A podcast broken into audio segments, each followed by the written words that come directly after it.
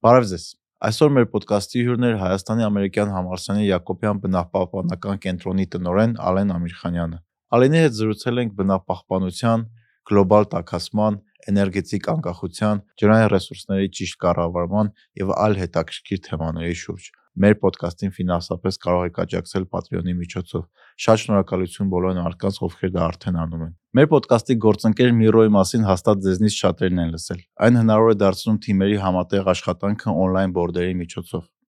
Miro-ն ունի միլիոնավոր օգտատերեր եւ ավելի քան 1700 աշխատակից աշխարհի տարբեր ծայրերում՝ Սան Ֆրանցիսկո, Բերլին, Տոկիո, Ամստերդամ, Վերջերս Միրոն մշտական գրասենյակ է բացել նաև Երևանում եւ աշխատանքի է հրավիրում ավագ ինժեներների։ Եթե հետաքրքրված ես միջազգային առաջատար ապրանքի հետ աշխատելու հնարավորություններով, այցելիր miro.com/yerevan կայքեջ եւ իմացիր ավելին։ Մեր ոդկասթի գլխավոր գործընկերն է Hexact ընկերությունը, ում կողմից այսօր եւս ունենք նվեր գիրք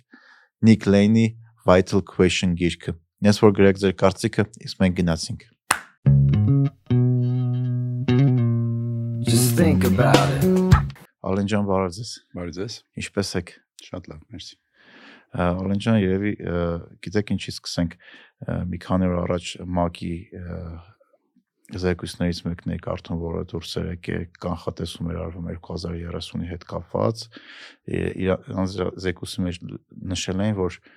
մինչև 2030 թվականը 700 միլիոնից ավել մարդ առանց տուն ու սնունդ մնալու գլոբալ տաքացման ու երաշտների պատճառով ու ստիպված առնելու լքի այն իր իր տունն ու իր երկիրը դրա պատճառով որ խնդրեմ կբացատրեք այդ ինչա նշանակում ու ընդհանրապես գլոբալ տաքացումը ինչա Ահա մի թեթև sense տեխնիկական բացատրություն տամ որ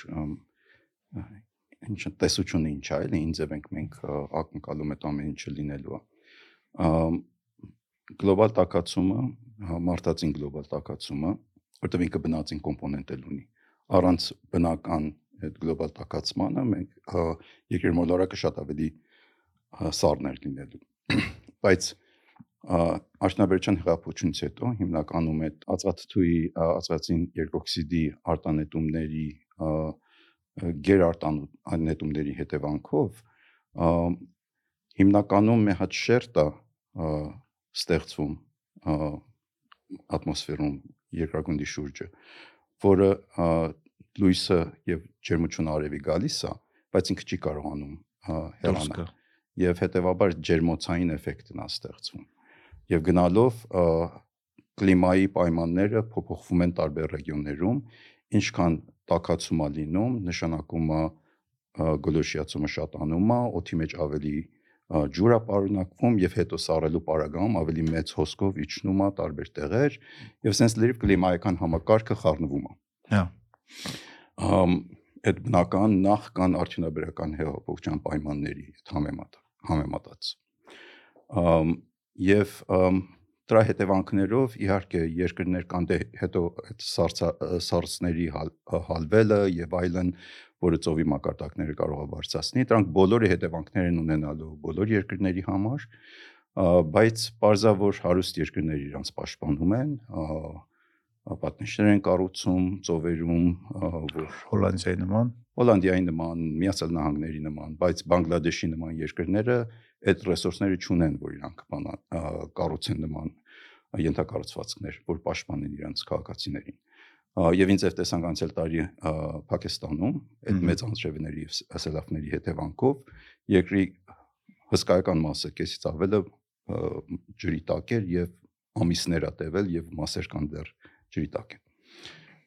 եւ սա հետ, հետևանքներ ունենալու աղքատ երկրների համար հատկապես դրանով հանդերձ նաև հարուստ երկրներն են օրինակ Անգլիայում կներ Գերմանիայում անցյալ տարի թե նախանցյալ տարի էր տեսանք այդ մեծ հեղեղները, սելավները, որ եղավ, Գերմանիայի նման զարգացած երկրում իրանք պատրաստ չէին նման իրադարձությունների։ Հա։ Եվ այս ամեն ինչի հետևանքով մենք կարող ենք պատկերացնել, որ աղքատ երկրներում ժողովուրդ ավելի խոցելի են, իրանք իրանց վարելահողերը, իրանց տունը, տեղը ամեն ինչ շատ ավելի խոցելի վիճակում է։ Եվ հետեւաբար այդ կլիմայի ազդեցության միգրանտ լինելը հնարավորություն բարձրանում։ Հա։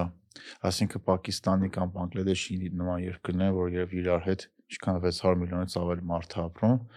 Շատ միլիոն, ավելի, հա, միլիոնավոր, 200 միլիոն է։ հա, միլիոնավոր մարդիկ ստիպված են լինելու իրանց տունը լքեն ու գնալու են հարուստ երկրներ, որոնք ավելի պաշտպանված են։ թվում է հարուստ երկրները այդքան հեշտ չեն ընդունի իրանց, որը ինքը ավելի մեծ աղետների հետևանք կարող է լինի։ Բայց հա։ պատկերացրեք միլիոնավոր մարդիկ կան քո սամանի մոտ կանգնեն, դու ո՞նց ես կարողանալու քեզ պաշտպանես։ Դե ինձ թվում է այդքան արագ չեն գալու իրանք նախ։ հա։ Եվ Հայաստանի բարեկամը վերցնենք, մենք ընդունենք այդպես մարդկանց։ Չգիտեմ, դժվար։ հա։ Ինձ թվում է ամեն ջանքեր դրվելու այդ երկրների կողմից, որ հատ Սիրիայից ա, տենց հոսք եղավ Եվրոպա, տես հիմա ինչա Եվրոպան խառնվել իմիգրանտների բանով։ Քաղաքականչան իրավիճակին ձևը խառնվել իրար հետ։ Հա։ Եվ ինձ մա դա մեծ մարտահրավեր է լինելու մարդկության համար։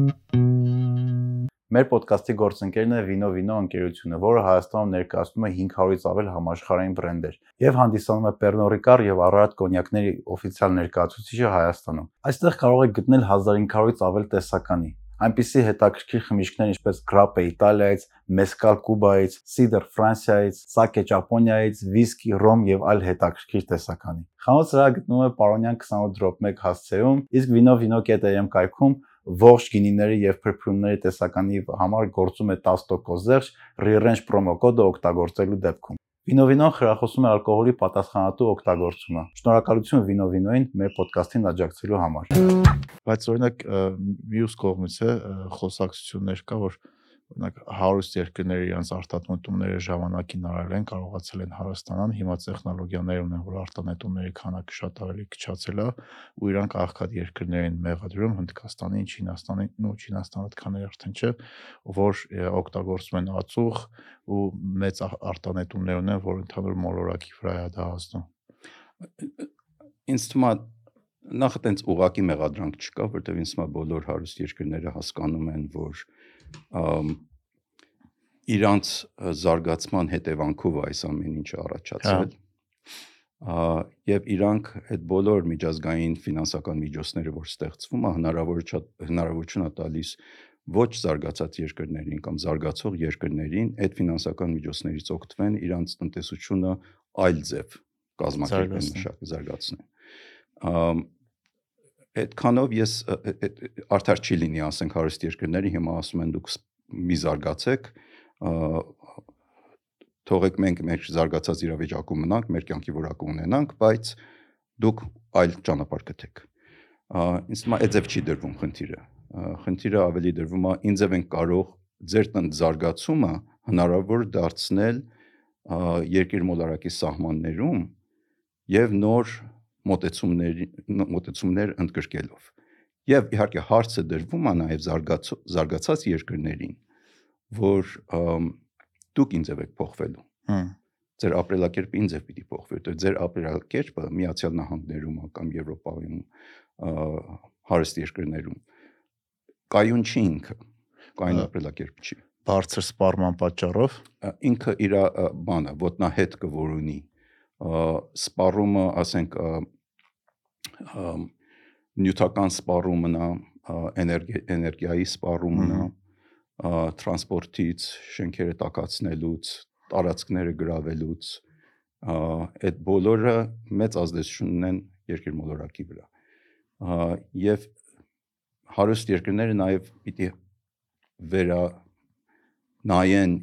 ինչա բարձր կյանքի որակը նշանակում իրենց համար։ Եթե զուտ նյութական քանի քառակուսի մետրում եմ ապրում, քանի ավտոմեքենա եմ ունենում, քանի հատ հակուստ եմ ունենում, եթե այդ ձևով դատենք կյանքի որակը, ինձ թվում է դուրս չենք այս այս բանից։ Բայց օրինակ այդ հարուս երկրների մարդիկ է, որ ասում են այդ գլոբալ տաքացումը այնց հնարել են, որ մեզնից մեր տները, մեր ապրելակերպը, մեր նավթով ստացող էներգիան խլեն, իրանց նոր քաղաք new order ոնց են Բայց դրան։ հա, տենց հարուստ երկրներից չի գալի այդ խոսքը, ավելի նավթ արտադրող երկրներից է գալի այդ Բայց խոսքը։ Ամերիկայում է օրինակ, չգիտեմ, եթե Կան, կան ֆրագմենտներ կան հասարակության մեջ, որ այդ conspiracy theory-ները, դավադրությունները միշտ բարձրաձայն Որ- որտեղ միշտ գտնում են ինչ-որ գիտնականները, որ հերքում է, որ գլոբալ տաքացումը ի- կա, բայց դա մարդու ապրելակերպի արդյունք չի, որտեղ մենք գերագնահատում ենք մեր հնարավորությունները, մենք չենք կարա երկիր մոլորակի եղանակի վրա ազդեցություն ունենանք։ մենք հաստատ այ կան այդ մարտիկ իսկ իրանք շատ-շատ փոքր փոքրամասնություն են հատկա- հատկապես իրանք նաև հիմնականում ներկայացնում են նավթի ոլորտը կամ Ֆինանսավորում են այդ ոլորտից։ հա։ հիմնականում բայց որ այդ քաղաքական ձայնը կա Միացյալ Ահա։ Նահանգներում եւ այլ երկրներում դա իհարկե որ կա բայց ես ինձ թվում է մենք նաև պիտի մտածենք Հայաստանի նման երկրների համար Որը Հայաստանը լիքը մարդու հետ անգամ նորմալ բարձր լավ կրթություն ստացած մարդկանց հետ զրուցում ես, շատերը ասում են այդ հեքիաթը։ Գլոբալ տաքացում բայց ինքը ինձ թվում ավելի այս կոնտեքստում, այս երկրում, այս տարածաշրջանում գիտությունը շատ խորը չի ուսումնասիրվում։ մա այդ այդ խնդիրը մենք ունենք։ Մենք այս վերջերս մի հատ հետազոտություն հետազոտություն ենք արել ամ, 1100 անձի հետ հարցազրույց ենք արել հերախոսով Հայաստանում Ահա։ սա համատեղ մեր 12-13000 հոգի եվրոպական տարբեր երկրներում նույն հարցաշարից անցել են եւ հարցրել ենք իրանց կլիմայի փոփոխությունը ձեր համար խնդիր է, կարծում եք գլոբալ խնդիր է թե ոչ 60%-ից ավել կարծում են խնդիր է Հա։ տեղեկությունը որտեղից եք ստանում կլիմայի փոփոխության Հայաստանում 30%-ից ավելը, որը նույնն է ինչ որ այլ երկրներում, սոցիալական ցանցերից, Ահա։ մնացած աղբյուրները հիմնականում 0 են։ Մամուլը չի քննարկում այս հարցը։ Հիմնականում դու թողնում ես սոցիա- սոցիալական մեդիայում ինձ եւ ինչ բաբլի մեջ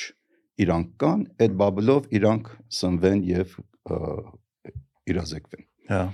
Եվ ինձ թվում է Հայաստանում լուրջ խնդիր ունենք այդ առումով, շատ երկրներում էլ կան նման ֆենոմեն, բայց այսինքն այլ երկրներում մամուլը շատ ավել է քննարկում, բարձրաձայնում խնդիրները։ Մենք նաև մի քանի օր առաջ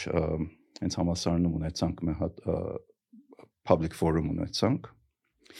ա, հավաքեցինք 35 ա, Հանրային քննարկում։ հանրային քննարկում այո, բայց ինքը շատ ավելի կազմակերպված այն առումով, որ ինքը հերթական նիստ չի հա- հանրային բան չի, Հա։ ա, նիստ չի ինքը մեթոդաբանություն ունի, որը ասենց randomly selected է, ոնց կասենք, Պատահական ընտրված։ պատահական հիմունքներով ընտրված 35 Երևանի բնակիչի հավաքեցինք մի քսեն մեկ սենյակ մեկ օր մոտավորապես որոշակի խնդիրներ դրեցինք կլիմայի փոփոխության կոնտեքստում տրանսպորտի հետ ինչ պիտի անել օրինակ Երևանում Հա։ Եվ այնտեղ փորձագետներ ունեինք, որ խոսեցին կլիմայի փոփոխության թեմայով, խոսեցին տրանսպորտի այլ ընտրանքներ, այլ ընտրանքները, որ կարող ենք ունենալ Երևանի կոնտեքստում միջազգային փորձ օգտվելով։ Մեր համար ապշեց չէր, որ այս այս 35 բնակիչներ նախ իրանք ահագին հուզված էին, որ այդքան կարողացան այդ կեսօրում հասկանան Հա։ խնդիրները եւ իրանք կարող են կարծիք ունենալ այդ խնդիրների մասին։ Դա շատ լավ։ է։ Ինձ թվում է եւ հետո իրանք կար իրանց մեջ կար ուսուցիչներ, կային տարբեր Մասնագիտություն։ տարբեր մասնագիտություններ եւ թոշակի անցած եւ այն եւ այլն։ Ա, Խառը խումբեր։ Ամ մարդիկ պատրաստ են նման engagement-ի, նման բանակցությունների, նման ընդգրկման ինտելեկտուալ ընդգրկման եւ որոշումներ կայացնելու։ Ա, Ինձ թվում է մեր համասարանները եւ միգուցե քաղաքական գործիչները, միգուցե հասարակական կազմակերպությունները ինձ թվում է պարտք ունենք, որ ավելի հնարավոր դարձնենք նման ա, մասնակցությունը։ Հա, իհարկե։ Դա շատ կարևոր է։ Եվ ինձ թվում է Հայաստանում հիմնականում շատ ցածր է իրազեկության մակարդակը կլիմայի փոփոխության դրանով հանդերձ ելնի նորից մեծ մասը կարծում են կլիմայի փոփոխություն խնդիր է, Ահա։ այդ մեր հետազոտության հետևանքով։ Ա Մեր մասն էլ մեծ մասը կարծում են մենք արդեն շատ բան չեն կարող անել, դա Հա։ էլ կա։ Ա, Բայց Հայաստանի նման երկրում եւ շատ երկրներ կան Հայաստանի նման, մենք մեր վարկագիծը փոխելով կլիմայի փոփոխության վրա մեծ ազդեցություն չենք ունենալու, մենք պիտի ավելի հարմարենք մեզ այն փոփոխություններին, որ տեղի ունենալու մարդածին թե բնածին։ Այդ դա եկան չի էս պահին։ Կլիման փոփոխվում է։ Եվ ը, դրանով ինչ ձև ենք մենք ը, կարողանալ մեր ջրային ռեսուրսները ապահովել, ձև ենք կարող մեր էներգետիկ ռեսուրսները ապահովել, ձև ենք կարող պարինային անվտանգությունը ապահովել։ Այդ բոլորը խնդիր է, որը կապ ուղակի կապ ունի կլիմային։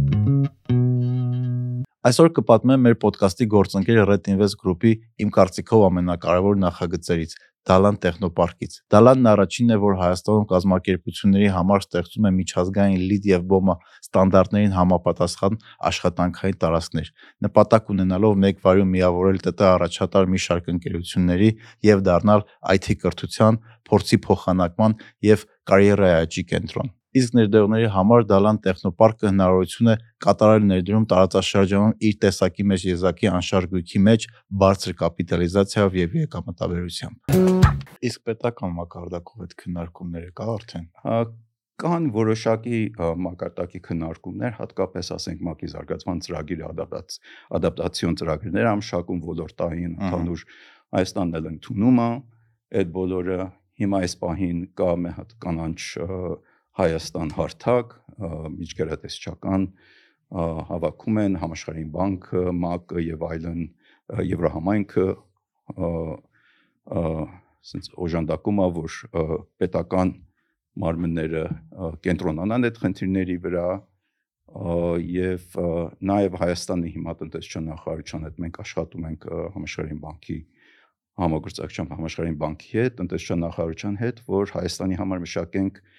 կանանչ ներդրումների տաքսոնոմիա։ Այդ ինչ է նշանակում։ Դա նշանակում է, որ եթե մեկը պիտի ներդրում անի Հայաստան եւ ինքը պիտի կրեդիտ ստանա, որ կանանչ ներդրում է արել, դա պետական մակարդակով պիտի Խրախուսվի, հա։ չէ որ հրախուսվի, ինքը պիտի իր բան ունենա, definition-ը ոնց կասենք, իր իր բաց իր բանը, իր Բացատրությունը ը, սահմանումները պիտի ունենա։ սահմանում, հա։ իր սահմանումները պիտի ունենա։ Եթե չկարողանա պետական մակարովոր երաշխ- երաշխավորված չլինի օրենսդրական երաշխավորության մասնախոսք։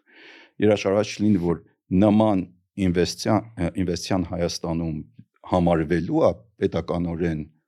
օրենսդրորեն համարվելու է կանանչ investment, որևէ ներդրող չի գալու ներդրում անի։ Երկրում այդ կանանչ investment-ի գումարները, որ կան գլոբալ միլիարդներ դոլարներ կան, որ կարող են գան եւ investment իրականացնեն։ Ա, Դա ենք մշակում տնտեսչական նախարարության Հետ, հա։ համար, հետ համար ա, եւ հետ հետո ասա պիտի դառնա արդեն բանի մաս էլի օրենսդրական պիտի փուլից անցնի եւ դառնա օրենք երկրում եւ այլ մի քանի պայմաններ եւ հանգամանքներ կան որ պիտի մշակվի որ ավելի ֆինանսական ռեսուրսները այդ ոլորտում կան Հայաստան եւ Հայաստանին օգնեն ավելի իր հարմարավետությունը, Հա։ իր ադապտացիոնը բարձրացնել։ Այսինքն մեր նման փոքր երկրները, ոնց նշեցիք, շատ ազդեցություն չունեն դրա վրա,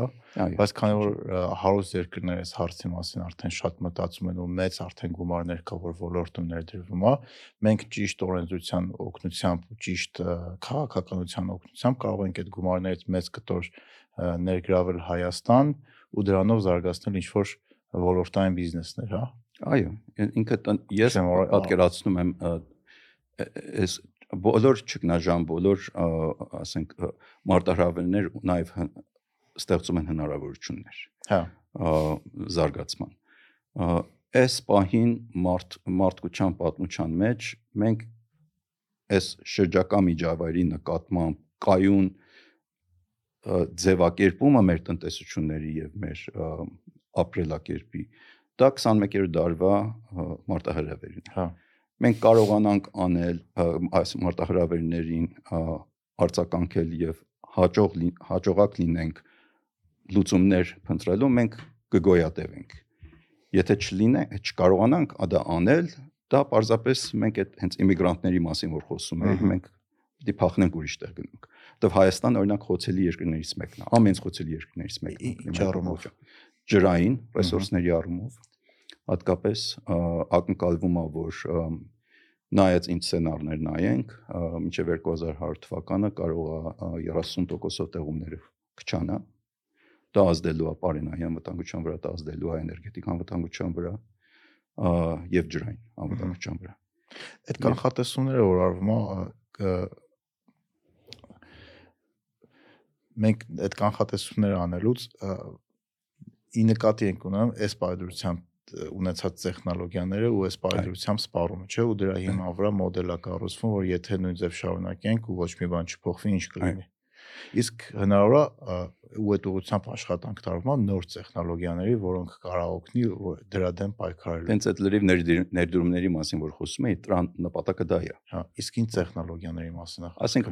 ռոռոկման ոլորտում, գյուղատնտեսչական ռոռոկման ոլորտում մենք պիտի անցնենք կաթիլային, պիտի անցնենք ավելի քիչ մեր մեր 80% ջուրը օգտագործվում է գյուղատնտեսչական համար Հայաստանում։ Հա, ու այդ գլոբալ էլ, բայց Հայաստանում։ Երևի 50-60%-ը, եթե չեմ սխալվում, գնում կորմա։ Դե խմել նայած այդ ոնց ասենք, խմելու ջուրը ա ինքը մոտավորապես 5-6-7% է մաքսիմալը կազմում ընդհանուր ջր, ջրի օգտագործման Հայաստանի 80%-ը Որոք գյուղատնտեսությունն է որի մեջ ճգնապուծարաններ նաև կան մոտավորապես 15% եթե չեմ սխալվում արդյունաբերությունն է որի մեջ նաև էներգետիկ ոլորտն է հո- հովացման համարով այդ ջուրը որ օգտագործում են ատոմական։ ա, աթոմական եւ ջեկը բան Ջեք, ա, հա։ ա, Երևանի ա, եւ ամ, նաեւ ամ, ամ, հանքարդյունաբերությունը մեծ օգտագործող աջուրի ա, եւ ամ, մնացած 5-6%-ը 7%-ը մեր քաղաքային մունիցիպալ ջուրն է էլի ա, այդ ջրում որը հիմա հիմնականում մեծ մասը վեոլյան է բաժանում ժամանակին ասվում էր, որ այնտեղ 80% կորուստ կա, 80%։ որի կեսը տնտեսական կորուստ է, ասենք գողացվում է։ Հա։ Մյուս կեսը տեխնիկական կորուստ է, մաշված, չգիտեմ, ա, սարքերի այդ ռոբաների մանի հետևանքով իրանք կորում են։ Իհարկե դա չի ես չեմ տեսել լուրջ հետազոտություն, որ այդ 80%-ը ապացուցի, միգուցե կա, ես տեղյակ չեմ։ Հիմա Վեոլյանը հայտարարում է, որ այդ գում այդ թիվը հաս- հասցրել է 70%-ի։ Հա։ Եվ պայմանագրով ինքը պիտի իջացներ այդ թիվը։ Եվ ինձ թվում է ինքը պայմանագրի ես չեմ նայել կոնկրետ արդյոք բոլոր կետերը իրանք բավարարում են թե ոչ, բայց այդ կետերից մեկն է, որ իրանք պիտի այդ կորուստը քչացնեն։ Հմ։ բայց դե 70%, 60%, 50% էլի նորից ահավոր թվեր են դրանք։ Դա Ասենք Նյու Յորքի նման քաղաքում 3 3%-ա կորուստը։ 3%։ Ա Իստանբուլի նման քաղաքում, չգիտեմ, 10%-ա կորուստը։ Հմ։ Դե 7%-ա կորուստը։ Այսինքն այս այս մեծ մեծ թիվ կորուստները մեկ անհասկանալի են, էլի, որ ինձև կարող եմ թույլ տանք։ Իհարկե massամբ այդ կորուստները քչացնելու համար ներդրումներ ա պետք։ Ենթակառուցվածքի ներդրումներ պետք։ Այդ խողովակները պիտի փոխվի, չգիտեմ, փոմպերը պիտի փոխվի եւ այն եւ այլն։ Այդ այդ ենթակառուցումները պիտի բանացնեն, թարմացնենք։ Ա, Եվ իհարկե վիոլի նման հիմնարկ ինքը սահմանը դնելու, որ ինքը ինչքան է կարողանալու invest անի այդ infrastructure improvement-ի վրա։ Ամենացածը պետության հետ։ Ա, Մնացած ա, հա դե պետք է մտնենք կոնկրետ պայմանագրի մեջ տեսնենք ով ինչ պատասխանատվություն ունի, բայց ինձ մա այնտեղ մեծ մասամբ ակնկալվում է, որ այդ ներդրումները այդ սպասարկող կազմակերպությունը եթե պայմանագրի չկա, ինքը չի կարողանալու այդ բոլոր ներդրումները անի, մասամբ կարողանալու։ Ինչ որ է, հիմա եթե ասենք այդ 80%-ն էլ կորում է, մեր խնդիրը հիմա խմելու ջուրի չի, այսինքն այդ քաղաքային ջուրի մասին չ- չեն կարող միայն կենտրոնանալ դրա վրա, որտեղ 80%-ը գյուղատնտեսությունն է օգտվում։ Եվ ի՞նչ է կատարում գյուղատնտեսության ջրի հետ։ Ինքը մեծ-մեծ քանակությամբ որ օգտվում ենք, հիմնականում մենք նույն ձևով ենք ոռոգում մեր ջրերը, ինչ ինձև գյուղատնտեսական հեղափոխությունը 15000 տարի առաջ Հա։ որ տեղի ունեցավ սումերները, այդ հիմնականում բաց ենք թողնում, լցնում ենք գնում է Հա, ոռոգում, էլի։ մարգերի մեջով տենց Այ, ոռոգում է, հենց 15000 տեսել եմ, տարվա հա։ բան է, էլի տեխնոլոգիա է դա։ Ա, Եվ դրա հետևանքով մենք բավականին ան, անխելամիտ ենք մոտենում էլի մեր ջրային ռեսուրսներին։ Այդ ջուրը, որ ասենք Սևանից ջուր ենք բաց թողնում, որ էներգիա էներգիա ստանանք եւ Արարատյան դաշտը որոքենք։ Այդ ջուրի մեծ մասը չի օգտագործվում, այսինքն էներգիան ստանում ենք, բայց որոքման համար ջուրը չենք շատ քիչ մասն ենք օգտվում։ Մնացածը հոսում է գնում է Արաքս, գնում է այնտեղ Նախիջևանում, Ադրբեջանը, Թուրքիան բան են, ինչ են ասում, ջրամբարներ ջրամբար են կառուցել, այդ ջուրը օգտվում են։ Քանի Հա։ տարի է մենք ջրի ջուր ենք տալիս։ մեր հարևաններին, Այո, ճակերտների մեջ։ այո, եւ հետո բացի էլ մենք այդ ստորգետնյա ջրերը, որ դուրս են գալի, քանի սովետական ժամանակից մեր 2000 կետից դուրս են գալի, Ահա։ այդ շատ բարձր որակի ջուրը, որ ստորգետնյա ջուրը, մենք գար դուրս է գալիս եւ մենք տալիս ենք գնոմա իրանք այնտեղ օգտվում են։ Հմ։ Այսինքն այս քաղաքականչան հարց է։ Մենք ինչ ձև ենք նայում մեր ռեսուրսները, հետո ստորգետնյա ջրերը այդքան հեշտ չեն իրանք անելնում, վերականգնվում։ Ջուրը մենք համարում ենք sense անհատակ, ան, անverջ sense resource, բայց այդ Հա, ձև չի։ օրինակ շատ շատերիս մոտ ու դա պետական մակարդակով էլ ասում հերոստատուսությամբ եք լսես լրատվության մեջ եք կտեսնես որ մենք շատ հարուստ ենք ջրով ու տենց կարելի է իրան վատնել էլի Վատնելը չգիտեմ, բայց շատ շատերը մտածում են որ Հայաստանում անverջ ջուր կա այո, ու կարանք օրինակ չգիտեմ ամենա པարս կենց հաղային օրինակը բերեմ ամանները լվալուց այդ ջուրը միշտ միացրած թողել որ անիմաստ խոսում գնում է մեկը թանկ չի Այո։ Ես մայթ գնային խնդիր քաղաքականություն շատ կարևոր է մտածել մասին։ Բայց ասեմ այդ այդ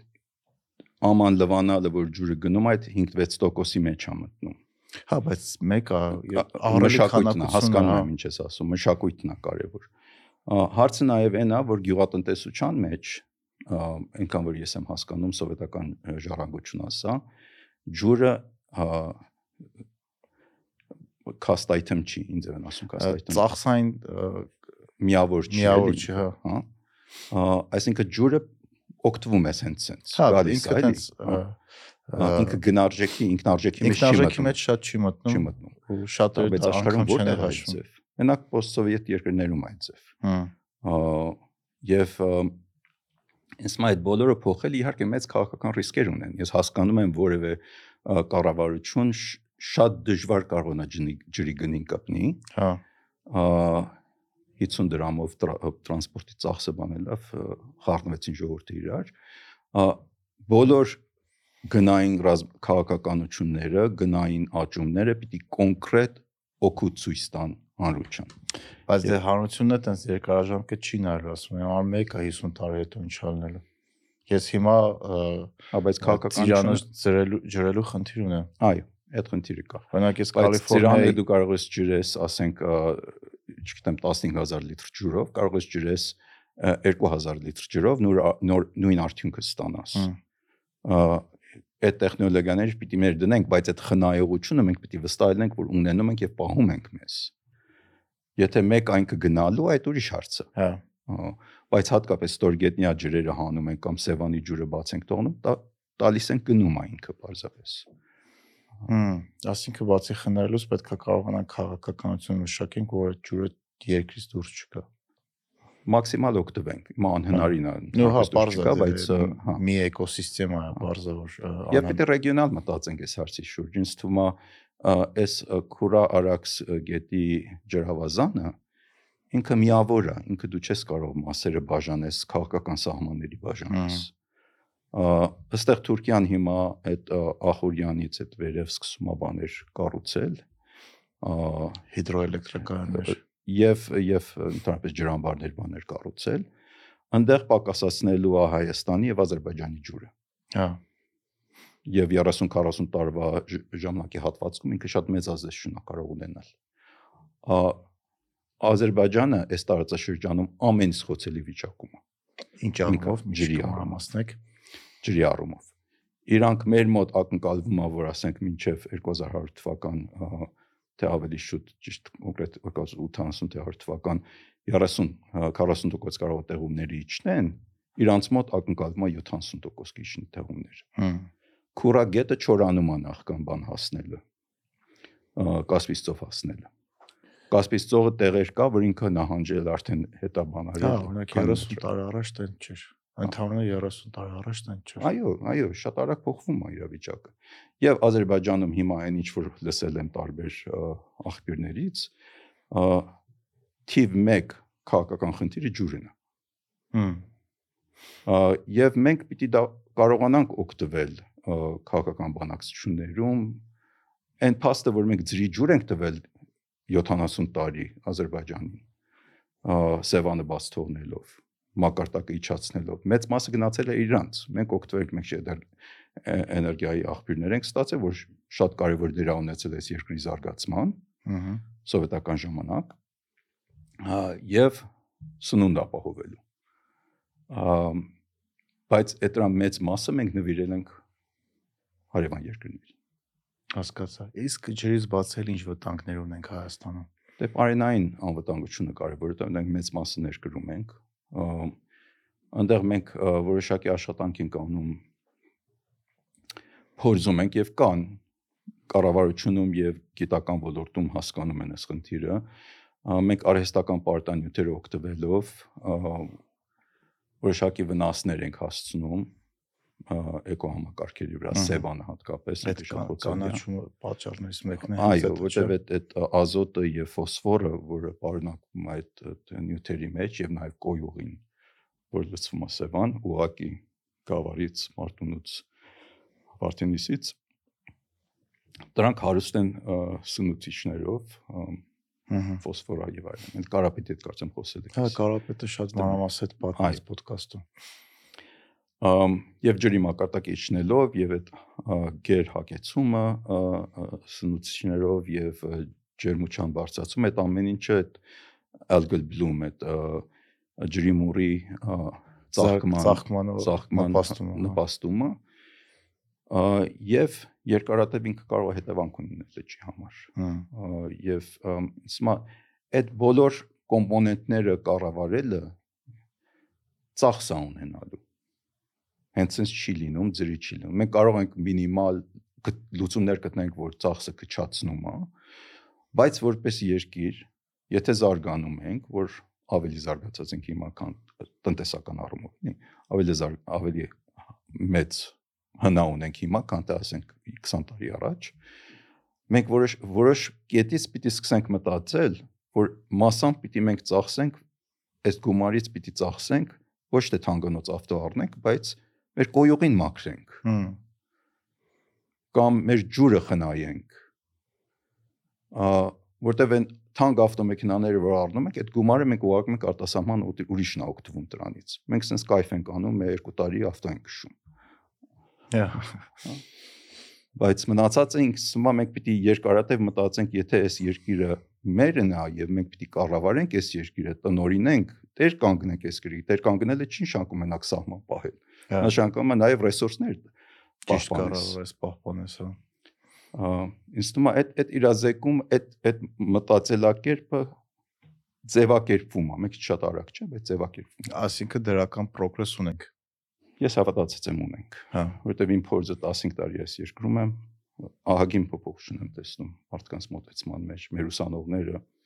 գնալով շատ ավելի խորն են հասկանում խնդիրները, ավելի իրազեկված են։ Հմ։ Դա շատ լավ շատ լավ նշան է։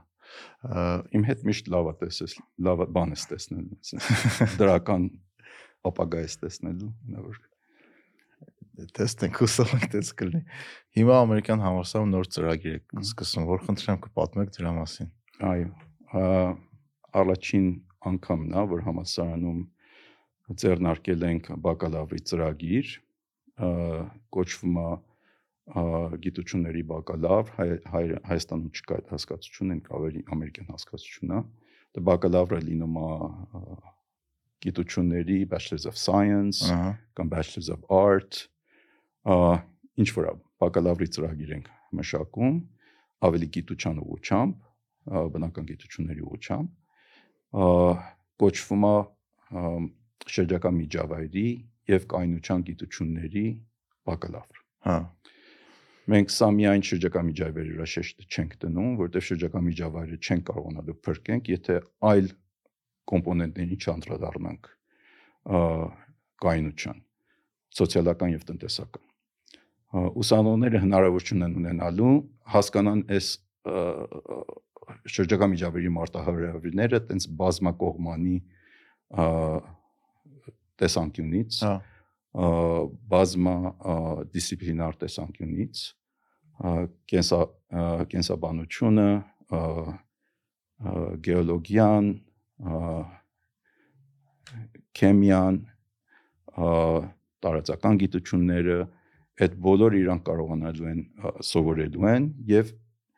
կիրառելու են խնդիրներ լուծելու Հայաստանում, անդրսահմանային կոնտեքստում եւ գուցե միջազգային նաեւ։ Հա, ասինքն եթե շատ փորձ բարձրացնել գիտնականներ են լինելու, որ այդ բնական գիտություններին տիրապետելու են, այդ գիտելիքը օգտագործելու են շրջակա միջավայրների խնդիրը լուծելու համար։ Ես չի ասի գիտնական են լինելու, որ գիտնական մինչև լինելը պիտի իրանք մագիստրոս անցնեն, բարձր, հա։ Ես կասեի ավելի իրանք գործակետներ են հա։ լինելու, մասնակիցներ են լինելու, որ կարողանալու են բարդ խնդիրները վերլուծել, գործիքներն են ունենալու, որ վերլուծեն եւ լուծումներ առաջարկեն։ Օ ամերիկյան համալսարանում ոնց որ հավատում եք, որ դրա ժամանակը եկել է այդ մասնագետների պակասը ունենք ու եթե չվերապատրաստենք, չունենանք նման մասնագետներ, լուրջ խնդրի առաջ կկանգնի երկիրը, հա։ Այո, հավատացած ենք համալսարանում եւ ես հատկապես իմ համար շատ ամեն մեր կենտրոնը հսկայական աշխատանք է անում հետազոտական եւ համայնքների հետ աշխատել եւ այլն։ Մեր ամենից մեծ խոչընդոտը էս բային մարդկային ուժն է։ Հա։ Գումարը չի խնդիրը, լիքը գումար կա աշխատանք անելու համար մարդկային ուժն է։ Նես չի որ հա կարող ենք վերցնենք պատր վերապատրաստենք 4 տարի վրան աշխատենք, բայց դա արդեն կրթական համակարգ պիտի անի ոչ թե այդ հետազոտական կենտրոն։ Հասկացա։ Մեր ինձ թվում է շատ ոլորտները որ զարգա, զարգանալու է արագ, հատկապես եթե կանանչ ներդրումների ոլորտը բացվի, այնտեղ լիքը փորձագետներ են պետք ունելու։ Ինքը միակ մասնագիտությունը չի, որ այդ պահանջը բավարարելու մենք պետք է ունենալու ինժեներներ, պետք է ունենալու ավելի մանրամաս ոլորտների մասնակետներ, բայց այս ընդհանուր համակարգի մակարդակին մտածելը, համակարգի մակարդակին մտածելը եւ կապերը ստեղծելը ինքը շատ կարեւոր է։ Եվ այդ բացակայում Հայաստանում։ Հասկացա։ Հա, ուրեմն շատ կարևոր բան եք սկսել։ Ինչ քանի ուսանող եք նախատեսում ունենաք առաջի տարվա ընթացքում մենք ինձ թվում է 20 եթե ունենանք առաջին տարին 40 ենք իհարկե ուզում հասնենք 40-ին հա։ ուզում հասնենք բայց 20-ով եթե սկսենք ինձ թվում է լավ հիմք տնենք որտեվ նոր ծրագիրը միշտ ժամանակա պետք է մի քիչ բարելավես բանանես։ Ու ճիշտ եմ հասկանում, այնքան ֆինանսավորան կա համաշխարհային բանկից, Եվրոպա միությունից, այս ոլորտի հետ կապված, որ այդ 20 հոգիները կարան պոտենցիալ աշխատանք ունենան ու լավ վարձատրվող։ Կասկած չունեմ իրանք աշխատեն, իրանք իսկույն կաշխատեն։ Այն այդ դրամից կասկած չունեմ ես։ Ես ինքս ես ինքս հա, ես ինքս մեր կենտրոնը կկարողանա լավագույններին վերցնի աշխատանքի ընդունի այնտեղ ասում եմ մեր մեր մեծ հիմա խոչընդոտը մարդու կարողություն մարդկային բանն է էլի ներուժնա որ կարողանանք ավելի շատ պրոյեկտներ բերել Հայաստան հետո եւ իմիջայլոց բանը շատ կարեւոր հանգամանք շեշտնեմ վրան մենք չի պիտի մտածենք որ միայն Հայաստանի հարց ենք լուծում համաշխարհային հարց ենք հա այո IT ոլորտը Հայաստանում չի զարգացել, որովհետև Հայաստանի հարցը լուծել։ Ինքը գլոբալ շուկայի խնդիրներ է լուծում։ Դա միանշանակ էս էս էս մասնագիտության հիմքն էլ է դա։ Դա մենք լուծելու ենք Հայաստանի ռեգիոնալ եւ միջազգային խնդիրներ։ Մեր մեր երիտասարդությունը, որտեղ Հայաստանը փոքր երկիր է, ինչ որ անում ես մեր երկու օրում սպառում ես շուկան։ Դու պիտի կարողանաս մտածես ինձև կապ ստեղծես միջազգային շուկայի հետ, միջազգային գործընկերների հետ, որոնց պահանջները շատ ավելի մեծ են։ Իսկ կլիմայի փոփոխությունը գլոբալ տաքացումը ինչ էֆեկտ է ունենալու էկոնոմիկայի մեր երկրների հնայի վրա։ Դե IMF-ը, որը ճիշտ ուզենաս չեմ ան հայր միջազգային արժույթի, չէ՞։ International Monetary Fund միջազգային արժույթի հիմնադրամ երևի։ Այո, հա իրանք վերջերս կարծեմ հոկտեմբերին էր վերլուծությունը հանարեցին հրապարակեցին եւ իրանց հաշվարկներով սցենարներ որոշ սցենարներ կա որ Հայաստանի հնան կարող է 25% 30%-ով նվազի եթե նույն ձևով շարունակենք մեր տնտեսության գործունեությունը այսինքն ջուրի խնայողությունը չանենք ա, կուտակումները չապահովենք էներգետիկայի աղբյուրները չփոխենք այնքանով որ ջրի վրա է հիմնված իհարկե եւ ընդհանրապես դա այդ այդ եթե այդ ձևով չմոտենանք այդ այդ խնդիրները չլուծենք մենք բավականին խոցելի ենք լինում եւ այս կանաչ ներդրումները պիտի օգնեն մեզ նաեւ այդ ռիսկը նվազեցնել Հա եւ միգուցե ունենալ աճ, այսինքն մենք պիտի նայենք մարտահրավերը։ Մենք կամ հաղթահարելու ենք, կամ պարտվելու ենք։ Մենք պիտի հասկանանք ինձ ենք հաղթահարում։ Եվ այս այս գլոբալ process-ներին մասնակցելը ինձ թվում է կարևոր բաղադրիչներից է ու հիմա ունենք այս բաղադրությամբ ունենք բավարար մարդկային ռեսուրսն ու հա, ձեր ասելով հասկացա որ քիչ է որ արդեն այդ process-ների մեջ ներգրավենք ու ընթացքում ստեղծենք նոր մասնակիցներ, որ կօգնեն ավելի ինտեգրվենք բավարար ռեսուրսներ, մարդ պետք ունենք, այ։ Հա։ Բայց պիտի վերապատրաստեն, այնտենց չի որ 0-ից 0-ից կարող են գան վերապատրաստվեն մասնակցեն այդ process-ներին հասկացա։ Իսկ հանք արդյունաբերությունը այդ մասը ուսումնասիրություններ արել է, օրինակ, այս պատմությամբ ինչ վիճակա Հայաստանում ու հա, Լիդիանը, եթե ամուսարը գործածվի, ինչ էֆեկտ կունենա դրա վրա։ Հանքարտնաբերությունը ընդհանրապես հնայի 3%-ն է այս բարդությամբ Հայաստանի։ Մոտավորապես։ Վերջինը ես վերջին անգամ 2000 կարծեմ 29-ն եմ թվերը նայել։ Չեմ հասնում ամեն տարի թարացնեմ։ հա։ Բայց մոտավորապես 3%-ն է հնայի։ Մոտավորապես 1%-ից ավելի քիչ զբաղվածները, աշխատողները այդ ոլորտում են աշխատում բայց ինքը մեծ մասա կազմում ա, ա, էքսպորտ արտահանման արտահանում, բայց բանի արտահանմանը, իրերի, գույքերի, չգիտեմ, goods, ա, Ահա. ինձ են ասում։ export of goods։ պատրաստի արտա ջն պատրաստի արտադրանք չի ինքը raw material-ը Հա, չեմ so, export of goods կա եւ սպասարկումների արտադրում կա export of service and հա export of goods։ ֆի- ֆիզիկական ապրանքի Հա։ արտահանման տենց տենց 30-35% 40%-ը մինչև մոտավորապես հասնում Հայաստանից այդ Հմ։ ապրանքների, այդ ֆիզիկական բանի ա, արտահանման։ Բայց եթե սերվիս սեկտորը ավելացնենք, որ սերվիս սեկտորը ավելի բարելավել են հաշվ նկ IT սեկտորի էքսպորտը եւ հա։ այլն եւ այլն, ա, այնտեղ իհարկե նվազում ինքը կարող է 15%-ի հաս ընդհանուր ընդհանուր արտ, արտահանման 15%-ին հասնի։ բայց էլի առլի թիվ է էլի Հա, ինքը կարևոր է Հայաստանի համար։ Դրա համար ես կարծում եմ Հայաստանը առանց հանքարդյունաբերություն դժվար է պատկերացնել։ Եթե մենք պիտի անցում կատարենք, հատկապես Զանգեզուրի նման հանք ունենալը տարածաշրջանում ամենից մեծ հանքերից է, բայց մենք պիտի փորձենք ավելի, ոչ թե փորձենք, պիտի գնանք դեպի այն ուղին, որ ավելի պատասխանատու ձևով օգտվենք այս ռեսուրսները. Իրանց ազդեցությունը ջրային համակարգի վրա նվազեցնել, հողային համակարգի վրա նվազեցնել, կենսաբազմազանչան վրա նվազեցնել եւ այլն։ Այսինքն այն որ հանքարդյունաբերություն չի լինի ու շատ մարդիկ դրա համար պայքարում են, որ որովհետև էկոլոգիայի վրա շատ մեծ ազդեցություն ունի։ Մի քիչ ավելի նման է հեքիաթին, պետքա ոնց որ համակերպենք այն մտքի հետ մեկա լինելու է, բայց փորձենք նենց անենք, որ մաքսիմում անվտանգ սարքենք, հա ճիշտ հիմա շատ հասկացա։ վտանգավոր է այն միտքը, որ կամ լրիվ պիտի հանքապետություն անենք կամ ընդհանրապես պիտի հանքար անհնարին է Հայաստանի նման երկիր հանքարդյունաբերություն չանի։ Մենք արել ենք 18-րդ դարվանից հանքարդյունաբերություն կա։ ֆրանսիացիները ռուսերից բաներ են վերցրել, տարածքներ են վերցրել եւ Ալավերդի բանի շրջաններում, Ախտալայի շրջաններում եւ Սյունիքի շրջաններում պղինձ են հանել տարել։ Ա, հիմա ես եթե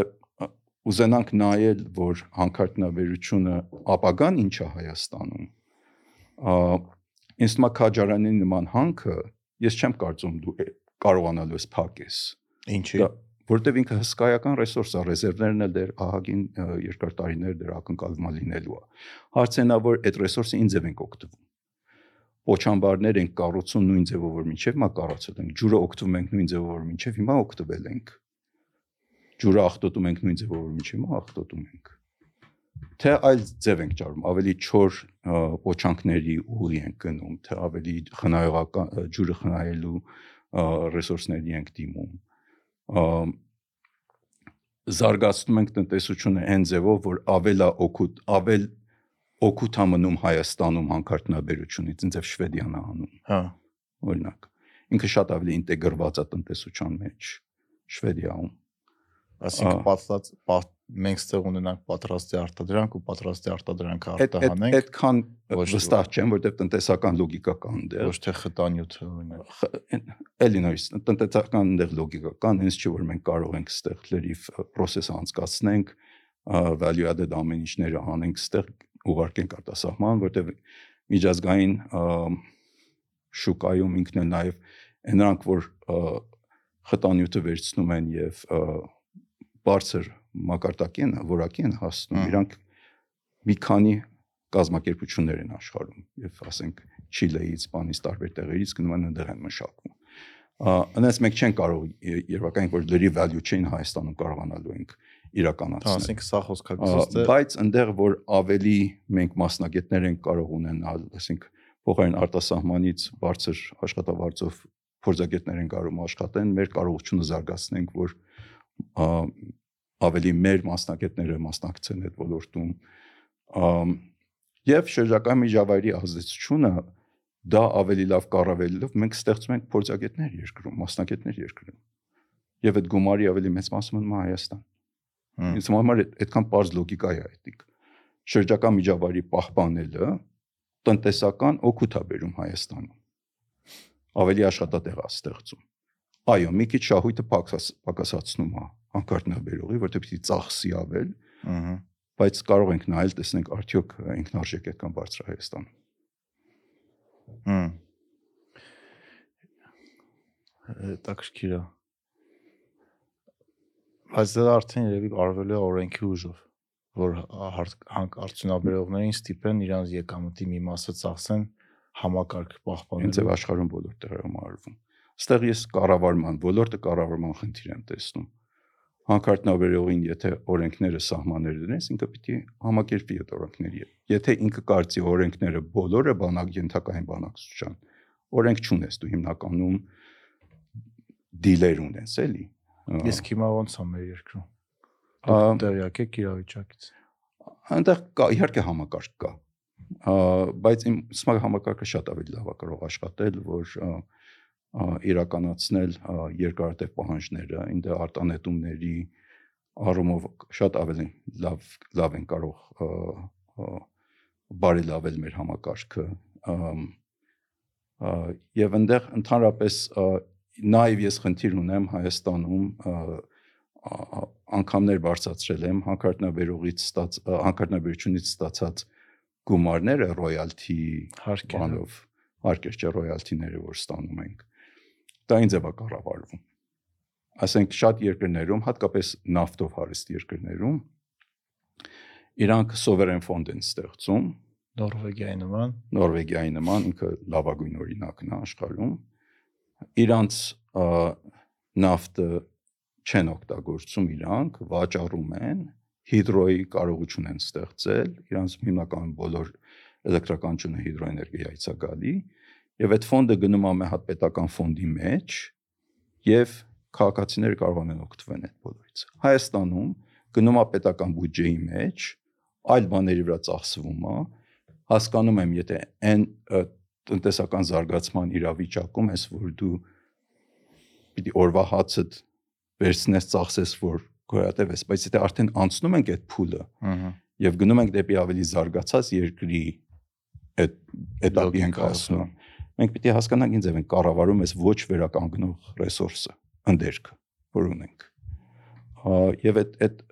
գումարների որ առաջանում է գումարների կառավարումը նաեւ կարևոր քաղաքական խնդիր է որ իմ կարծիքով բավարար չի վերլուծվել Հայաստանում Հմ։ չի անդրադարձվել Հայաստանում, որտեղ հասկանում եմ պետական բյուջեն խնդիր ունի։ Ինքը միշտ գումարի խնդիր կա պետական բյուջեն ապահովելու բայց մյուս կողմից էլ ինձ թվում է արդեն պիտի սկսենք մտածել երկարատև էս ոչ վերականգնող ռեսուրսը ընդերքը մեր ինձև կարող ենք ֆինանսական վերականգնող ռեսուրսի վերակերպել կամ ձևակերպել։ հա։ Իսկ օրինակ ատոմական էս ամեն ինչ էս մեր էս ամեն ինչի մեջ ինչ դեր ունի։ Օրինակ Գերմանիայի օրինակը տեսանք, որտեղ ատոմականները իրանք սկսեցին հերթով փակեն, մեծ կախվածության մեջ մտան ռուսական գազից ու իրանք լուրջ էներգետիկ խնդիրներ ունեն հիմա մեր այս էկո համակարգում ատոմականը ինչ դեր ունի ու ընդհանրապես ատոմ ատոմականից ստացված էներգիան ինքը համարվում է մաքուր էներգիա թե չէ ինքը նախ ատոմակայանը Հայաստանում էս պահին մոտավորապես 2020 թվականում կարծեմ 40%-ներ մեր էլեկտրականություն ապահովում մեծ թիվ է շատ մեծ թիվ է իհարկե առանց այդ մենք այս պահին չեն կարողանալ գոյատևել։ Հա։ Եվ հարցը նա որ 2030-ի վերջերը որ պիտի փակվի ատոմակայանը, ինչ են կանում, նոր ատոմակայան են կառուցում, թե այլ ընտրանքին գնում։ Այլ ընտրանքի ինչա։ Հիմա նոր նորը չի կառուցվում։ Դե հիմա խոսք կա որ նորը պիտի կառուցվի, ինձ թվում է այդ բոլոր մանրամասները պիտի քննարկվեն, մենք այնտեղ լուրջ էներգետիկ անվտանգության խնդիր կա դրված, որ պիտի լուծենք, մենք պիտի մեր կախվածությունը ցանկացած մեկ մենաշնորային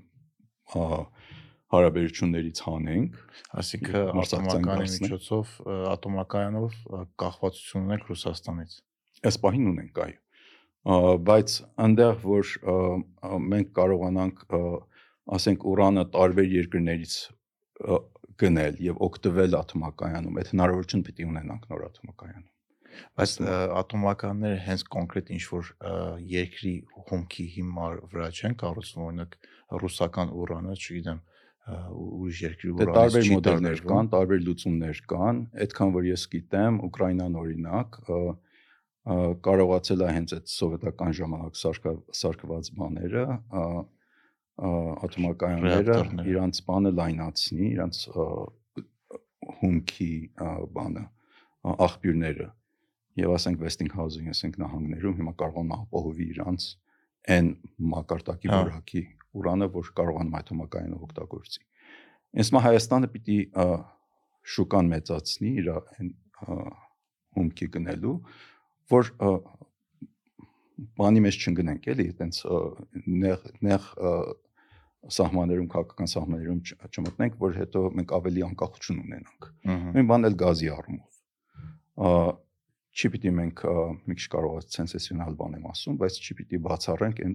պահը հասնի, որ մենք Ադրբեջանից գազ ենք առնում։ Պարսկաստանից գազ ենք առնում ավելի մեծ քանակությամբ, քան թե հիմա։ Ռուսաստանից շարունակում ենք գազ առնել, բայց մենաշնորհ չի ինքը։ Ինչ է որ հիմա կա։ Եվ այնտեղ կարող է Հայաստանը շահի այդ ամեն ինչից եւ կարծում եմ պիտի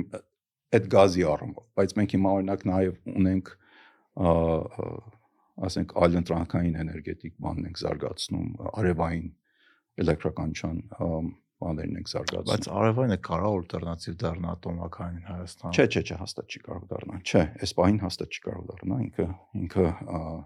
ատոմակայինը բազային բանի մասին է խոսքը, էլի, բազային այդ հոսանքը որ պետք ունես։ բացի այն որ Հայաստանը ընդգրկվի sense լրիվ connectedness-ը իր այր կապը ռեգիոնալ ցանցերի հետ շատ sense զարգանա, ասենք Հայաստան, Ռուսաստան, Հայաստան, Վրաստան այդ էլեկտրականչան կապը ավելի հզորանա, Պարսկաստանի հետ, միգուցե տարածաշրջանում, եթե Ադրբեջանի հետ, Թուրքիայի հետ նայած ինձ եւ գնա էլի քաղաքական ուղիները։ Ահա այդ ձևով կարող է մեր արևայինը կարողանա շոշափելի բան ունենա, էլի, դեր ունենա, բայց այս պահին առանց աթոմակայան ես դժվար եմ պատկերացնում, ես նույն ռեժիմով կարողանանք շարունակել։ Իսկ ինքը մաքուր էներգիայի աղբյուր է համարվում։ Աթոմակայանները իրանք չեն համարվում renewable, ինքը վերականգնող էներգիա չի համարվում, դե ուրանը ընդեր կա, ինքը վերականգնող չի։ Բացի այն որ տեխնոլոգիա մշակենք ինձ է վերա օգտագործենք այդ ուրանի մնացորդը, բայց ինքը դեկարբոնիզացիայի լուծումը։ Հա, եթե արտանում չկա արտանում չկա, ածածինի արտանում չկա, եթե ուզում ես տնտեսությունը decarbonize անես, այդ параգրաֆում ինքը լուծումներից մեկն է, որ Եվրոհամայնքն էլ վերջերս հայտարարեց, որ ընդունում է դա որպես հա։ լուծում։ Այո, ուղղությունը փոխեցին։ Այո, հատկապես էս պատերազմից հետո։ Պատերազմից հետո, այո։ Հմ Որտեվ Հա, ես ես ինչքան գրականություն կարդացել եմ, հասկանում, ինչքան հասկանում եմ, կարող սխալ եմ, լավ չեմ հասկացել, որտեվ դրա մասնակից չեմ, ատոմականը անգամ ատոմ ատոմականը անգամ ավելի մաքուր էներգիա համարվում, քան օրինակ գազ ա- ա- այրելով էլեկտրա էլեկտրական էլեկտրականություն ստանալը։ Դե այդ արտանոթների առում արտանետումների առումով հաստատ, Հա։ հացասինի արտանոթների հա- առումով իր ռիսկերը ունի, այնպես չի որ ռիսկ չունի։ Դե հա, տեսել ենք ինչ ռիսկեր ունի։ Եվ ինքը որ լինի մա շատ մեծ հսկայական հետևանք։ Չեռնոբիլը։ Ինձ թվում է ատոմականից վախը հենց գալիս է այդ ֆիլմերի ու միանգամից տենց ահավոր հետևանքներ ունենալու պատճառով, բայց կոնկրետ հաշվարկ կա որ փայտ այ- արելուց ավելի շատ մարդ համահանում, քան ատոմականների։ Մի տարվա մեջ փայտ արելուց ավելի Հա։ դե ծուխից ավելի շատ մարդ համահանում, քան մարդկության պատմության ընթացքում ատոմականի պատճառով։ Հնարավոր է, ինձ չէ- չեմ կասկածում որ այդպես կարող է թիվ լինի։ Բայց ֆիլմերով է ավելի Հա, դե որտեվ ինքը դրամատիկ է, ինքը ինքը բան է, էլի, ինքը շարունակական չի, ինքը էպիզոդիկ մի հատ Հա, կատաստրոֆա է, էլի, Ոնց որ փայտ արելը ծխելու նման է, որ միանգամից քեզ չի սպանում։ Այո։ Այո, բայց դե այնպես չի որ պիտի ռիսկերը անտեսենք ատոմակայանի։ Հա։ Ինքը պիտի արվի այն ձևով, որ հատկապես Հայաստանի նման սեյզմիկ ա, զոնայում մենք պիտի ահավոր զգուշ լինենք, եթե նորն են կառուցում, ինքը բոլոր պայմանները բավարարի եւ անվտանգություն ապահովի։ Հա։ Այս վերջերս տեսա որ Bill Gates-ը մի հատ կազմակերպություն էր ներդրում արան ու շատ երկար ժամանակ արանք են աշխատում որ փոքր ռեակտորներ էին կարողացել ստացնել ու ինչքան գիտեմ Չինաստանի հետ արդեն պայմանավորվել են մի քանի հատ տեստային սարքեն։ Կաս կարող է սխալվում եմ դեռ Քանի մեգավատ չէ, դե ես այդ շուկայից շատ լավ չեմ հասկանում։ Հա։ բայց, ու ինքը այդ ռեակտորները օգտագործում էին այդ մեծ ատոմականների թափոնները Հմ, ոնց որ առանց թափոն արտադրության մաքսիմում մոտիկ էր Դե հիմա fusion է կա, ա, fusion ուղությամբ էլ են աշխատում։ Այդ դրանց թվերը նայում էի անցած տարի քս- ա, 8 միլիարդից ավել դոլար venture-ային ներդրումներ ա եղել fusion-ի տարբեր ստարտափներում, որոնք փորձում են fusion-ի օգնությամբ էլեկտրոէներգիա ստանան։ Այո, շատ տարբեր լուծումներ կարող ենք մենք փորձարկել մեր երկրի համար։ Հիդրոժենը մեկնաջրածին լուծումները որպես կուտակման միջոց։ Ինձև կարող ես այդ ավելցուկը օգտվես հիդրոժենի բաներ ստեղծես, կուտակումներ ստեղծես, որ դա օգտվես էլեկտրականության համար։ Մեր այս հիմա գնալով տարածվում է բանը։ ասենք էլեկտրիկ տրանսպորտը, mobility ինքն էլ կարող է համարվի պիտի հաշվարկվի համարվի որպես կൂട്ടակման մի հատ բան միջոց Հա։ Այդ էլեկտրոմեքենաների մասին է խոսքը, թե էլեկտրոէներգիայի տեղափոխումը լոգիստիկան։ ինչի մաս Նոր որ ասում եք mobility. մասն է թե բանի բանի mobility-ի մասին։ Չէ, mobility մասով այնքանով որ էլեկտրոմոբիլիթին, հատկապես ավտոմեքենաները, որ ունեն բաներ էլի, ա, ակումուլյատորներ ունեն, Ահա։ բատարակ ունեն իրենց մեջ։ Ա, Մարտկոսներ։ մարկոցներ ունեն շնորհակալություն դրանք իրանք կարող են եթե քանակությունը շատանա ավտոմեքենաների իրանք արդեն պիտի համարվեն այդ կൂട്ടակման ա, կետերից մեկը Հմ։ օրվա ընթացքին եւ այդ այդ ընդհանրապես այդ համակարգի մշակման մեջ իրանք պիտի հաշվի առնվեն որպես Այսինքն ճիշտ է հասկացած, երեկո երբ որ դու ունես արև ու արևային պանելներով կարողանում ես էներգիա ստանալ, դրանով դու քո մեքենան ես լիցքավորում ու գիշերը երբ որ քեզ ը, էլեկտրոէներգիա է պետք, մեքենայից կարաս օգտագործես օրինակ տան լույսը ստանալու համար։ Չէ, կամ կամ դու այնտեղ ավտոդ կանգնած ա մետեղ,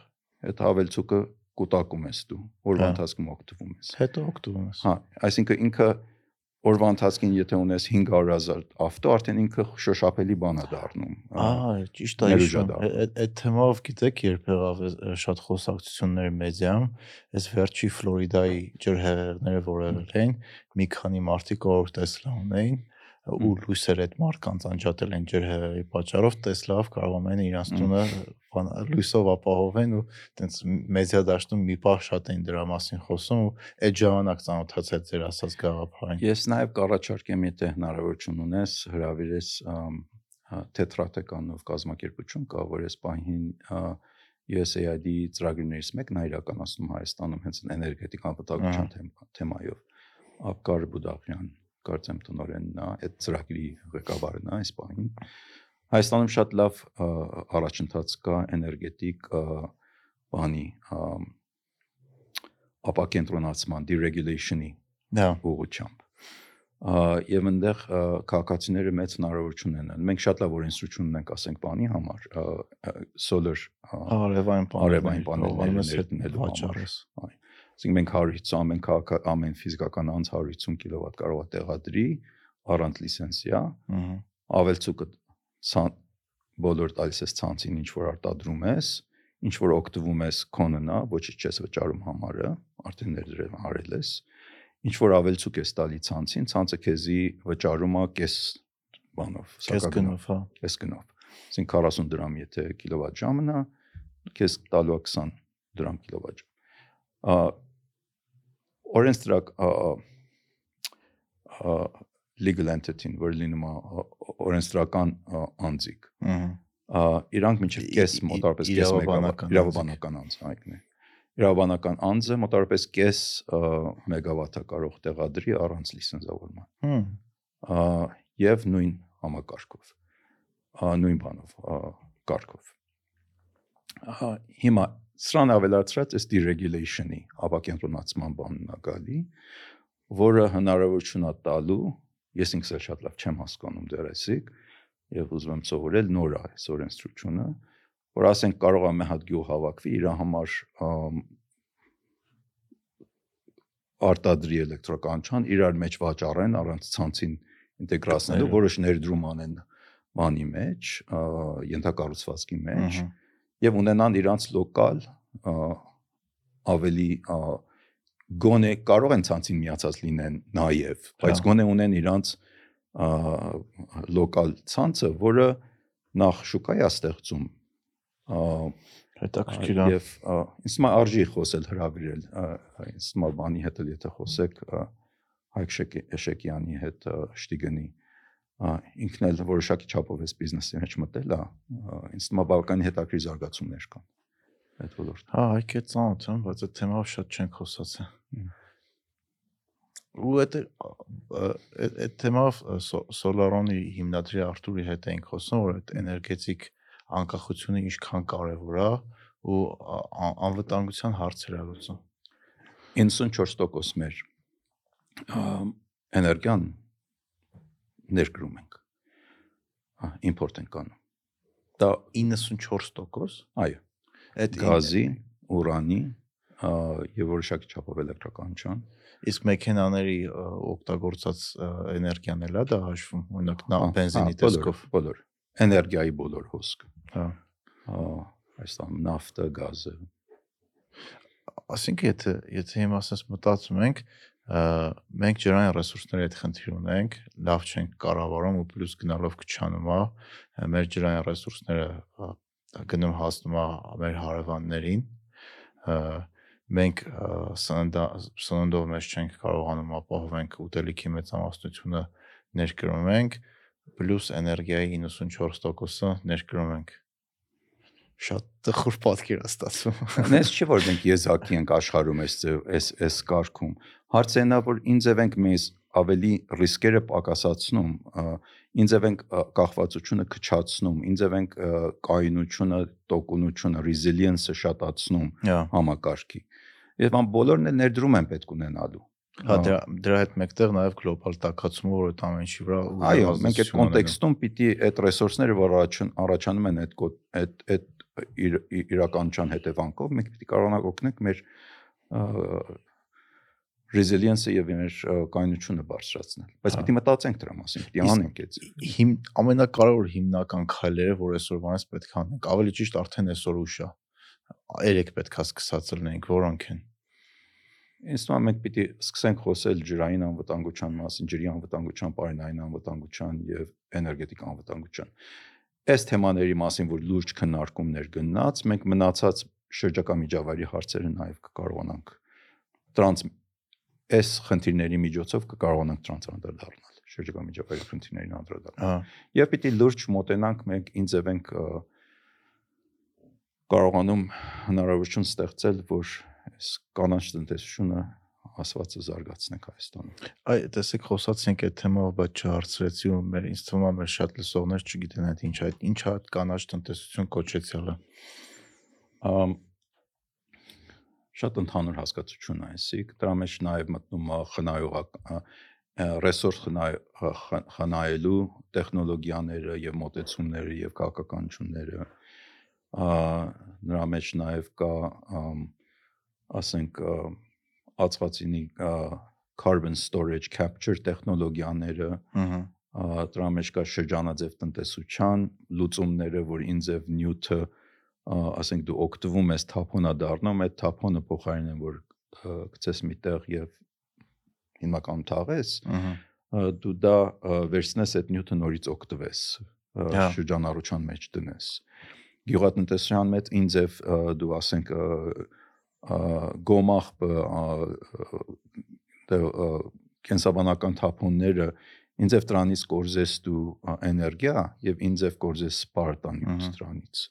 այդ լրիվ տնտեսությունը ինձև կազմակերպելը այդ տեխնիկական շրջափուլը նյութերի եւ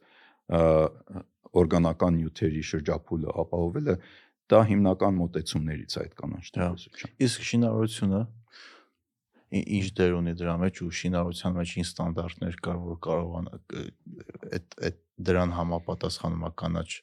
է հիմա այս պահին եթե Հայաստանը պիտի կենտրոնանա մի բանի վրա էներգիայի էներգիա արդյունավետությունն է շենքերի։ հա Մենք է մեր էներգիան կմարամասնեք մի քիչ որ Այո, օրինակ օրինակ բերեմ լավագույն ստանդարտը, գլոբալ, sense platinum ստանդարտը, քառակուսի մետրը տարեկան, էներգետիկ ջերուսման տակասնելու համար շենքը ա, ա, լ- 15 ա, կիլովատ ժամը քառակուսի մետրի համար դու ծախսես, որ կարողանաս շենքը տակացնես։ Հայաստանում այս պահին օրենսդրությունը մոտարապես 70-80 կիլովատ ժամը քառակուսի մետրը հա ա, մեր շատ սովետական այդ պանելային շենքերը բաները կարող է հասնել 200-ի ահա աննորմալ Այսինքն մենք 94% մեր էներգիան ներկրում ենք,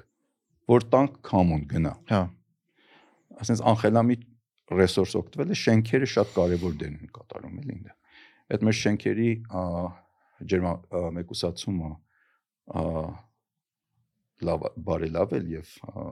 ըհը այդ կարևոր ոլորտ է, որի վրա պիտի անդրադառնանք։ հա նոր օրենսդրությամբ իհարկե էս որ ասում եմ 70 օրենսդրությամբ հիմա 70 թե 80 այդ այդ ստանդարտը որ պիտի իրականացվի ինքը նոր շենքերի համար հա նոր շենքերը շատ փոքր մասն են շենքային ֆոնդի լրիվ բնակարանային ֆոնդի ամ այնա որ պիտի մտածենք ինձև ենք մյուս շենքերում նաև խրախուսում մա- մարդիկ իրանց ներդրումները անեն եւ այնտեղ տնտեսական այդ լոգիկան պիտի բարձ լինի մակը մի հատ ծրագիր ուներ, չէ։ Այո։ Հիմա մի քանի շենքեր արդեն իրանք վերանորոգել են։ այո այդ պիլոտային շենքերը իրանք լավ արդյունքներ են ունեցել բայց խնդիրը պիլոտից հանել եւ շուկա մտցնելն է էլի Օրինակ մեր գործընկերի այդ շենքերից մեկը, որ հիմա իրանք բան են անում, կառուցում են, հենց նշում են, որ այդ լիդ մեկը այդ ոմա ստանդարտներով են կառուցում, որը այտենց մեծ էֆեկտ ա տալի համ էներգա խնայողության, համ այդ ջերման մեկուսացման հետ կապված հարցերով։ Այսինքն Հիմա արեք այդ ստանդարտներին չհասնենք, արեք մի քիչ էլ բան անենք։ Այդ ստանդարտները շատ ավելի բարձր ստանդարտներ են, էլի։ հա, Մենք գոնե հասնենք հիմա Եվրոհամենքը կարծեմ այդ նույն թիվը, որ ասում էի 15-ը պատնում ստանդարտնակ կիլովատ ժամ, ասենք քառակուսի մետրի վրա տարեկան ծախսը, որ պիտի ջերուցման համար բան անես, ծախսես։ Այս պահին Եվրոհամայնքում օրենսդրությունը մոտավորապես 40-45 է։ 40-45։ Այդ 15-ը շատ բան է, էլի, էքստրեմալ Հայաստանում օրենսդրորեն 70 է։ Մենք բոլոր շենքերի 70-ի հարցնենք մեծ-մեծ առաջնորդացին ունենալու։ Ինձ եւ ենք խրախուսում, որ մարդիկ ներդրում անեն այդ ոլորտում։ Հմ, որտեվ ինքը մենակ պետական ներդրում չի կարող լինի։ Ինքը պետական հարց է լուծում։ Ահա, մասնավորը էներգետիկ- պետք է լինի։ Դե Այսինքն այդ շենքի բնակիչները պիտի պետք է ջերմամեկուսացնես, էլի։ հա, դու ես վճարում ի վերջո այդ դրա համար էլի հա այդ էներգիա համար դու ես վճարում եւ երկիրը քո անկախությունն է ձեռքից տալի էներգիայի անկախություն այդ էներգիայի վրա կախվածության հետևանքով հասկացա։ Մի քանի հատ անձնական հարց տամ միջև Հմ։ վերջացնել։ Հայաստանի չի տեղափոխվեցիք։ ես աշխատել եմ Հայաստանում 90-ականների սկիզբը ամ 3 տարի տենց աշխատում էի ստեղ վերդարձրան նահանգներ այնտեղ ա, նաև աշխատեցի ինձ թվում է ա, շատ լավ երկիր ունենք Հայաստանը ա, նաև քաղաքացի եմ Հայաստանի Հա։ ա, եւ է մենք շատ շատ բան ունենք պահելու փայփայելու հա այդ աշխատանքը որ մենք ենք անում մեր թիմով, մեր կենտրոնով, մեր համասարանով եւ շատ հպարտ եմ իրանով եւ մեծ բավարարություն է պատճառում ինձ այս թիմի հետ աշխատելը, այս խմբի հետ աշխատելը եւ Հայաստանում աշխատելը ես փոփոխություն եմ տեսնում, առաջընթաց եմ տեսնում։ ա, դժվար է տեսնելը, եթե ուշադրություն չես դարձնում, դեռ այդ պահի մեջ միշտ դու դժգոհում ես, բայց ինձ թվում է երկարաժամկետ եթե նայես, ընդդելի փոփոխություններ կան։ ա, Եվ չեմ պատկերացնում ուրիշ տեղ ապրեմ։ Հա։ Հա։ Արդեն չեք պատկերացնում։ Հա, չէ, ուրեմն գնալու Բայց այն որ հանեք ինձ իստեղ։ Չէ՞ դե խի հանեն օգտակար գործ եք անում։ Իսկ ձեր մոտիվացիան որն է, ինչն է ստիպում ձեզ ամեն առօր արթնանաք ու անեք այն ինչ որ անում եք։ Այդ մեր տրադիցիոն հարցն է։ Հա։ դե պարզապես ավելի լավ կյանք ստեղծել բոլորի համար, հետագա սերունդների համար։ Մի բան, ասենց այն ինչ որ ժառանգում ենք ա, հետագա սերունդին հպարտ լինենք այն այն այն ինչ որ արել ենք դրանով։ Հա։ Դա իմ մոտիվացիան դա է։ Հասկացա։ Մի հատ է հարց տամ ու ձեր ժամանակից էլ չեմ խլի։ Մենք սովորական քաղաքացիներս ինչ կարանք ամեն օր անենք, որ դրական ազդեցություն ունենանք կամ ավելի շատ շատ վնաս չտանք մեր շրջակա միջավայրին, էկոլոգիային, ջրային ռեսուրսներին ու այն ամեն ինչի մասին, ինչ այսօր խոսեցինք։ Ինձ է մտածենք խնայողության մասին։ Խնայողությունը աղքատություն չի, խնայողությունը հարստություն է։ Մտածենք նա նշում է նաև սնունդի, օրինակ կարծեմ հարութը հա, եթե անցյալ անգամ խոսում եք նշած կելներ, որ մենք այդ սնունդի թափոնները շատ բարձր են, շատ մեծ են։ ասես 40%-ից ավել է։ միջինն է, բայց տեղեր կան 60%-ի հաս։ Հա։ Այդքան հարուստ ենք, մենք կարողանում ենք Հա, մեր ուտելիքի կեսը թափում ենք։ դա որ համակարգն է կարող գոյատևի է էլի։ Այնեն ինչ որ ներկրում ենք էլի, այնպես չի որ մենք ենք արտադրում հետո Հա։ անենք։ Հետո այդ այդ թափոնի հետ ինչ ենք անում։ Ոչ չէ չենք անում, այնտեղ կա էներգիա, այնտեղ կա սնունդ։ Ինչի չենք կորզում դրանք։ Այդ ուղին խնայելը եւ խելամիտ օգտագործելը այն ինչ որ չենք օգտագործել։ Ա եւ ինձ թվում մտածել, որ մենք ժամանակավոր ենք էլի այս երկիր մոլորակում մենք պիտի այն ինչ որ անում ենք մենակ մեր անձնական օգուտը շահը չի պիտի լինի պիտի լինի համակարգը բարելավելու եւ համակարգը ավելի բարենպաստ դարձնելու մեր համար, այլ տեսակների համար։ Ստումա չգիտեմ շատ ընդհանուր խորհուրդ է, բայց գուցե մեկին մի բան ասի։ Հուսանք։ Ձեզ շատ շնորհակալություն։ Շնորհակալություն քեզ։ Ձեր բռնած գործերին հաջողություն։ Շնորհակալ։ Come on, come on, come on.